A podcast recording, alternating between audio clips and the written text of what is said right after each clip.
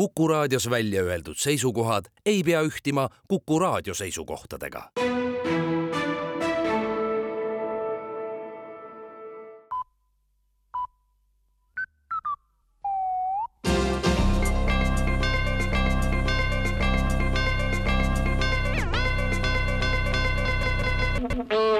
uudised on eetris ja stuudios Rohke Debelak valitsus annab teada, et on otsustanud järgmisel nädalal alustada üldstreiki. streigi täpsem vorm veel selgub, ent tõenäoliselt saab olema tegu kõiki ministeeriume haarava streigiga. valitsus kavatseb streigi abil nõuda riigi kodanikelt mõistvat suhtumist ja adekvaatset hinnangut riigi majanduslikule võimalustele.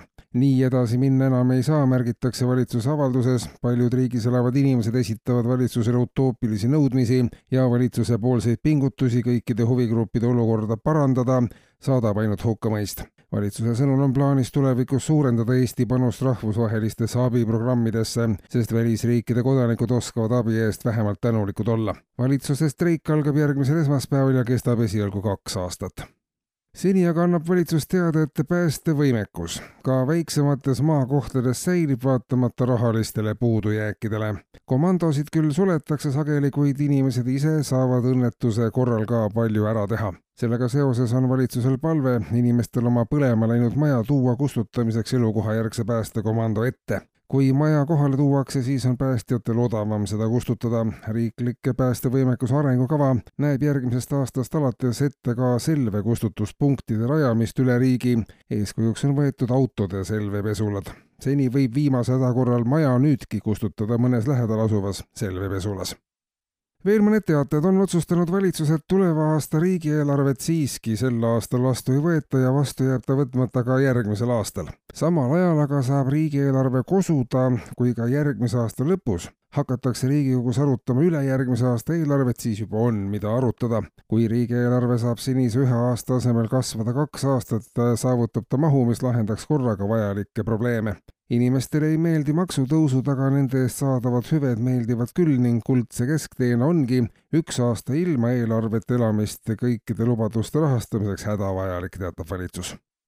ning veel positiivseid teateid väljarändenumbrid on vähenemas, annab valitsus teada. inimesi tuleb järjest ka välismaalt tagasi ja see on omakorda veelgi positiivsem. endisest tempokamalt lahkuvad Eestist küll ettevõtted ja lahkumine kogub aina hoogu. siiski ei ole ettevõtete lahkumine eriliseks kaotuseks, sest ettevõtetega on pigem probleeme kui otsest kasu. ettevõtete järgi tuleb kogu aeg valvata, et need seadusi ei rikuks. ettevõtjad on kogu aeg valitsuse peale pahased ja rikuvad nii üldist meeleolu. ettevõtlusega on seotud iga päevaga üha vähem inimesi ning kui kõik ettevõtted on riigist lahkunud, siis ei tunneta tõenäoliselt keegi, et midagi oleks muutunud, märgitakse valitsuse teates. ja lõpetuseks rubriik muusikasõpradele. täna tuleb esimest korda kokku Eesti esimene lõhkpilliorkester orkester koosneb Riigikogu liikmetest ja senisest pidevast ohust omavahelisest kemplemisest lõpuks pill lõhki puhuda on edasi mindud. lõhkpill on küll suhteliselt uus pilliliik, kuid valmidus sellel mängimiseks on suuremal osal Eesti elanikkonnast, märgivad muuseakandid. usutavasti annavad esimesed kontserdid julgustust ja tulevikus on lõhkpilliorkester juba igas väiksemas alevis, lisatakse avalikus kontserdikutses. pääsmed tund enne algust, riismed esimestest taktidest. kuulsite uudiseid